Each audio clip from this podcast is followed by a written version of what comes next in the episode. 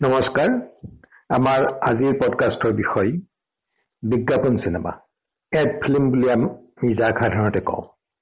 বিজ্ঞাপন চিনেমা আমাৰ এই ফিচাৰ ফিল্মতকৈ কিমান বেলেগ? তাৰ কি ধৰণে ভবা হয় কি ধৰণে নিৰ্মাণ কৰা হয় আৰু কি ধৰণে তাক চোৱা হয়? এই বিষয়বোৰ আলোচনা কৰিবলৈ আমাৰ লগত আছে নম্ৰতা বৰুৱা। নম্ৰতা বৰুৱা তেখেত বিজ্ঞাপন এজেঞ্চিৰ লগত জড়িত আছিল আৰু এই দিশটো খুব ভালকৈ জানিছিল। তেখেত এগৰাকী সংগীত শিল্পীও তেখেতৰ গান আমাৰ বহু শ্ৰোতাই শুনিছে আৰু যিসকলে শুনা নাই তেখেতসকলৰ কাৰণে মই এটা গান দিয়াৰ ব্যৱস্থা কৰিম। এতিয়া আমি শ্ৰী লগত কথা পাতো। আপুনিতো বহুত দিন আপোনাৰ পডকাষ্টত ইনভাইট কৰাৰ কাৰণে ধন্যবাদ। আপুনি বহুদিন বিজ্ঞাপন জগতৰ লগত জড়িত আছিলে। হয়। এতিয়া কওকচোন বিজ্ঞাপন ছবি এখন কেনেকে নিৰ্মাণ কৰা হয় কেনেকে ভবা হয় কেনেকে আগবঢ়া হয়? বিজ্ঞাপন চিনেমা বুলি কলে তাৰমানে আমি এড ফিল্মৰ কথা কৈছো। এড ফিল্ম দুই একচুৱেলি এডভাৰটাইজিং দুই প্ৰকাৰৰ হয়। এবাভ দ্য লাইন আৰু below' the line above the line বুলি কলে আমি টেলিভিশ্যন এড প্ৰিণ্ট এড আৰু ৰেডিঅ' এডত বুজাওঁ। আৰু বিল' দ্য লাইন বুলি ক'লে আউটডোৰ এডভাৰটাইজিং যেনেকে hoarding billboard point of sale ad ইত্যাদি বুজাওঁ। এতিয়া যেতিয়া আমি বিজ্ঞাপন চিনেমা বুলি কওঁ তাৰমানে আমি এড ফিল্মৰ কথা কৈছো। যিটো অডিঅ' ভিজুৱেল ফৰ্মেটত বনোৱা হয়। আৰু এইবোৰ এড সাধাৰণতে আমি টেলিভিশ্যন আৰু আজিকালি ডিজিটেল মিডিয়ামতো ছচিয়েল মিডিয়াতো দেখা পাওঁ। এই নিৰ্মাণ এফএম যেতিয়া নিৰ্মাণ কৰে সেইটো আৰম্ভ হয় আচলতে এডভাৰটাইজিং এজেঞ্চি প্ৰতিটো ব্ৰেণ্ডৰ নিজৰ একোটা এডভাৰটাইজিং এজেঞ্চি থাকে।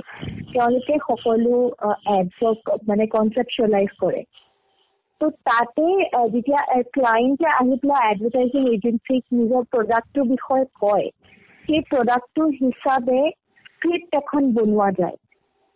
সেই পাৰ্টিকুলাৰ ৰিকুৱাৰমেণ্টৰ হিচাপে স্ক্ৰিপ্ট এখন গঢ়া যায়। সেই স্ক্ৰিপ্টখন যেতিয়া এগ্ৰি হয় সেইটো এটা ফাৰ্ষ্ট ষ্টেপ হয়। সেই এগ্ৰি যেতিয়া হয় এপ্ৰুভ হয় সেই স্ক্ৰিপ্টখন সেই স্ক্ৰিপ্টখনক মানে কোনজন ডিৰেক্টৰে ভালকে ডিৰেক্ট কৰিব পাৰিব সেই হিচাপে চিলেক্ট কৰা হয় ডিৰেক্টৰ এডভাৰটাইজিং এজেঞ্চিৰ ওচৰত বিভিন্ন ডিৰেক্টৰৰ শ্বৰিলছ আহে। কিছুমান ডিৰেক্টৰে ধৰক কমেডি বেছি ভাল কৰে। আৰু কিছুমান ডিৰেক্টৰৰ মানে কেলিবাৰটো আপুনি ইম'চনেল এছপেক্টত বেছি দেখে। সেইকাৰণে যিখন স্ক্ৰিপ্ট সেইখন স্ক্ৰিপ্টত কি দৰকাৰ সেই হিচাপে আমি ডিৰেক্টৰ শ্বৰ্ট লিষ্ট কৰোঁ। আৰু এটা ফেক্টৰ আহে ডিৰেক্টৰ শ্বৰ্ট লিষ্ট কৰাৰ সময়ত যিটো যিটো হয় বাজেট বাজেটটো কিমান ক্লায়েণ্টৰ যদি সেইটো ল' বাজেট তেতিয়াহ'লে কিছুমান অপশ্যনছ নাথাকে যেতিয়া এটা এটা ডিচেণ্ট বাজেট থাকিলে আপোনাৰ অপশ্যনছ বাঢ়ি যায় ত' সেইটো এটা ষ্টাৰ্টিং পইণ্ট হয় আৰু তাৰপিছত ডিৰেক্টৰ যেতিয়া শ্বৰ্ট লিষ্ট কৰা হয় তেতিয়া তেওঁলোকক এপ্ৰ'চ কৰিবলৈ আমি প্ৰডাকশ্যন হাউচক এপ্ৰ'চ কৰোঁ কাৰণ প্ৰতিজন ডিৰেক্টৰ এজন প্ৰডাক্ট এখন প্ৰডাকশ্যন হাউচৰ পাৰ্ট হয় আমি ডাইৰেক্টলি ডিৰেক্টৰক এপ্ৰ'চ নকৰোঁ। আমি ফাৰ্ষ্ট প্ৰডাকশ্যন হাউচক এপ্ৰ'চ কৰোঁ। তেওঁলোকক সোধো যে ডিৰেক্টৰজনৰ টাইম এভেইলেবিলিটি আছে নে নাই। তেওঁ এইটো প্ৰজেক্ট ল'ব পাৰিব নে নোৱাৰে। ত' সেইখিনি আমি ৰিকুৱাৰমেণ্টখিনি যেতিয়া প্ৰডাকশ্যন হাউচক জনাওঁ আৰু যদি তেওঁ এভেইলেবল তেতিয়া ফাৰ্ডাৰ ডিছকাশ্যন আৰম্ভ হয়। তাৰপিছত? হেল্ল' সেইটো সেইটো হোৱাৰ পিছত এটা মিটিং হয় য'ত ক্লায়েণ্টৰ যিখিনি ৰিকুৱাৰমেণ্ট সেইখিনি আমি ক্লিয়াৰলি প্ৰডাকশ্যন হাউচক জনাওঁ। তাৰপিছত সেই ডিছকাশ্যনৰ মতে স্ক্ৰিপ্টখন যিখন অলৰেডি বনি যায় সেইখন স্ক্ৰিপ্ট যেতিয়া ডিৰেক্টৰে পায় ডিৰেক্টৰেও নিজৰ অপিনিয়ন নিজৰ যিখিনি এক্সপিৰিয়েঞ্চ দি নিজৰ আইডিয়াছবিলাক দিয়ে। সেই স্ক্ৰিপ্টখন অলপ ইভল্ভ হয়। সেইখন হোৱাৰ পিছত সকলো বস্তু ফাইনেলাইজ কৰিবলৈ শ্বুটিঙৰ আগতেই বহু কথা ডিচাইড কৰি লোৱা হয়। আৰু আমি এখন মিটিং পাতো শ্বুটিঙৰ দুই তিনিদিন মানৰ আগত। সেই মিটিংখনক পি পি এম বুলি কয় pre production meeting pre production মিটিঙত তিনিটা পাৰ্টি থাকে। এডভাৰটাইজিং এজেঞ্চি থাকে যিজন ডিৰেক্টৰ আৰু প্ৰডাকশ্যন হাউচৰ প্ৰডিউচাৰ তেওঁ থাকে আৰু আমাৰ ক্লাইণ্ট থাকে। ত' সকলোৱে বহি লৈ কেইটামান বহুত ইম্পৰ্টেণ্ট এছপেক্টবোৰ ফাইনেলাইজ কৰি লয় যেনে লোকেশ্যন যিকেইটা শ্বৰ্ট লিষ্ট তাৰে মাজত কোনখন লোকেশ্যন ফাইনেলাইজ হ'ব আৰু কষ্টিউমছ আৰু মডেলছ এইবোৰ সৰু সৰু কথা সকলো বস্তু ফাইনেলাইজ কৰা হয় শ্বুটিঙত যোৱাৰ আগত।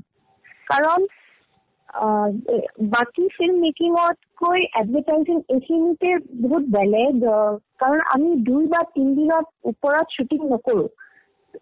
উই হেভ বি ক্লিয়াৰ যে এইটোৱে আমাৰ কনচেপ্ট আৰু মানে কোনো বস্তু ৱেগ হ'ব নোৱাৰে সকলো বস্তু ক্লিয়াৰ হ'ব লাগিব শ্বুটিঙত যোৱাৰ দিনাখন মানে কোনো হিকাপ যাতে নহওক ত' তেনেকুৱা প্ৰচেছটো এতিয়া ধৰক চিনেমাখন শ্বুটিং কৰা হৈ গ'ল। তাৰপিছত এডিটিং কৰিলে ফাইনেল প্ৰডাক্টটো ওলাল কিন্তু দেখা গ'ল যে যেনেকে ভবা হৈছিল তেনেকে প্ৰডাক্টটো নহ'লগে।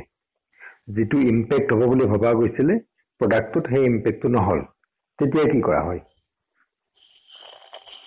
এনেকুৱা চিটুৱেশ্যন সাধাৰণতে কম আহে। কাৰণ যেনেকে মই আপোনাক কলো যে সকলো বস্তুৱেই ক্লায়েণ্টক মানে দেখাই তেওঁলোকক এপ্ৰুভ কৰা হয়। সেইকাৰণে সাধাৰণতে নহয় মানে আপুনি ক'ব পাৰে নাইণ্টি নাইন পাৰ্চেণ্ট এনেকুৱা চিটুৱেশ্যন নহয় যে ফিল্ম এখন বনে বনাৰ পিছত তাৰ এডিটিং হোৱাৰ পিছত যেতিয়া আমি ক্লায়েণ্টক প্ৰেজেণ্ট কৰোঁ পুৰা ফিল্মখন মানে তেওঁলোকে পচন্দ নকৰিলে কিবা কাৰণত এইটো হয় মই নকওঁ যে একেবাৰেই নহয় কিন্তু এইটো মানে এটা দুৰ্ঘটনা বুলিয়ে ধৰা হয় কাৰণ বহুত বহুত পইচাও যায় আৰু মানে এফৰ্টো যায়। কিন্তু সৰু সৰু কিছুমান চেঞ্জেছ দিয়া হয়। যেনেকে ভইচ অভাৰ আৰ্টিষ্টৰ ধৰক ভইচ অভাৰটো ভাল নাপালে বা সেই ভইচ অভাৰটোৰ থ্ৰ'টো ভাল নাপালে তেতিয়া সেই পাৰ্টটো ৰি ৰেকৰ্ডিং কৰা হয়। পষ্ট প্ৰডাকশ্যন যিখিনি বস্তু আছে সেইখিনি ৰি ৰেকৰ্ডিং বা সেইবিলাক চেঞ্জেছ কৰা হয়।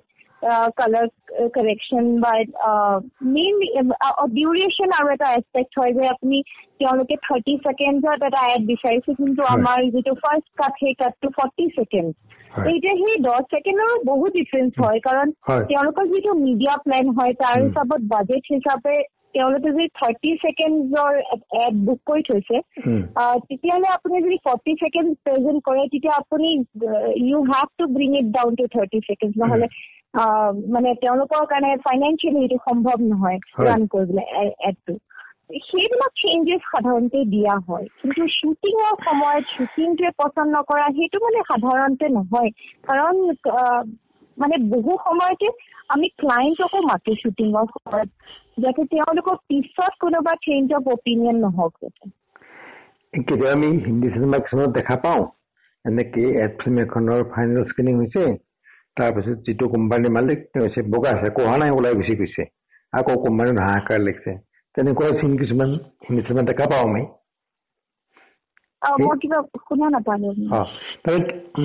এইবাৰ শুনিছো কিছুমান হিন্দী চিনেমাত আমি দেখা পাওঁ এনেকুৱা দৃশ্যও থাকে যে এখন ফিল্মৰ স্ক্ৰিনিং হৈ আছে হোৱাৰ পিছত সকলোৱে চাইছে কোম্পানীৰ মানুহ এড ফিল্ম বনোৱা মানুহ ডিৰেক্টৰ সকলোৱে গৈ চাই আছে যি মানে যাৰ প্ৰডাক্ট সেই প্ৰডাক্টটো মালিকে কৈছে এইখনে কোৱা নাই।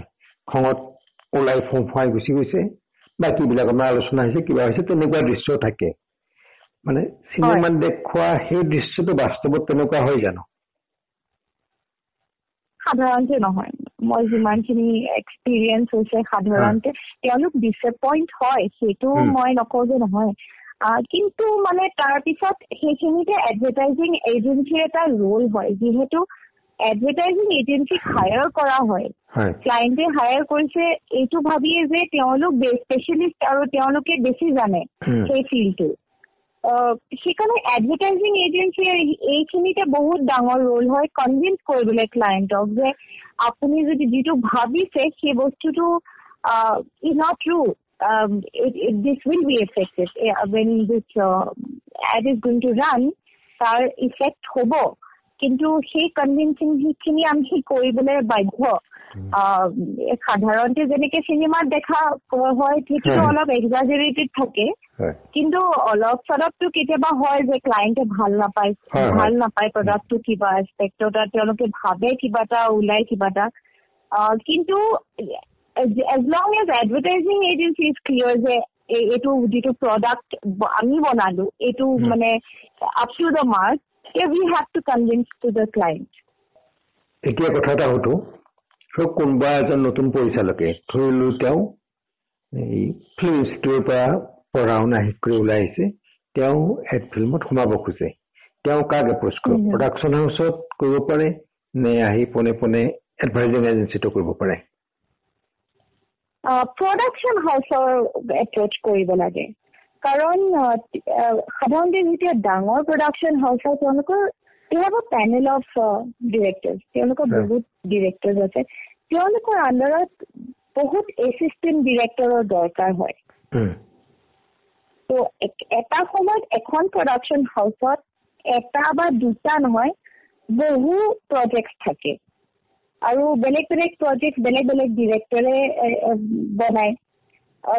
ত' যেতিয়া কোনোবা এছপাইৰিং ডিৰেক্টৰ হয় তেওঁলোকৰ কাৰণে বেষ্ট এপ্ৰ'চ ইজ যে তেওঁলোক প্ৰডাকশ্যন হাউচত গৈ কওক যাতে তেওঁলোকৰ ইণ্টাৰেষ্ট আছে আৰু যদি তেওঁলোকে সৰু সুৰা কাম কিবা কৰিছে মানে ইভেন যদি সেইটো এটা প্ৰজেক্টৰ নিচিনা কলেজ প্ৰজেক্ট টাইপৰ বস্তু কৰিছে সেইখিনি মানে এটা এটা চি ডিত বনাই পেলাই প্ৰডাকশ্যন হাউচ এখনক দিব লাগে আৰু ক'ব লাগে যে তেওঁলোকৰ কিমান ইণ্টাৰেষ্ট আছে সেইটো ফিল্ডত আৰু তেওঁলোক মানে কি হয়তো you know' work as a advertising director so' like an assistant director so' assist কৰা কৰাৰ সময়তে বহুতখিনি স্কিল ছেট ইম্প্ৰুভ হৈ যায় বহুতখিনি বস্তু শিকা হয় যিটো আমি কওঁ on the job training on the job ট্ৰেইনিঙত বহুত বস্তু শিকা হয় যিবোৰ ফৰ্মেল ট্ৰেইনিঙত শিকা নহয়। চ' সেইটো এটা এপ্ৰ'চ বহুত ল'ৰা ছোৱালীয়ে লয়। আপোনাৰ লগত ভালেখিনি সময় কথা পাতিলো। আৰু পিছত আৰু এদিন কথা পাতিম। সিদিনা আপোনাৰ গানৰ কথা পাতিম আৰু গান শুনিম। চিয়'ৰ চিয়'ৰ থেংক ইউ চ' মাছ আজিলৈ ভাল লাগিল আপোনাৰ লগত কথা পাতি। আজিলৈ আহোঁ নমস্কাৰ নমস্কাৰ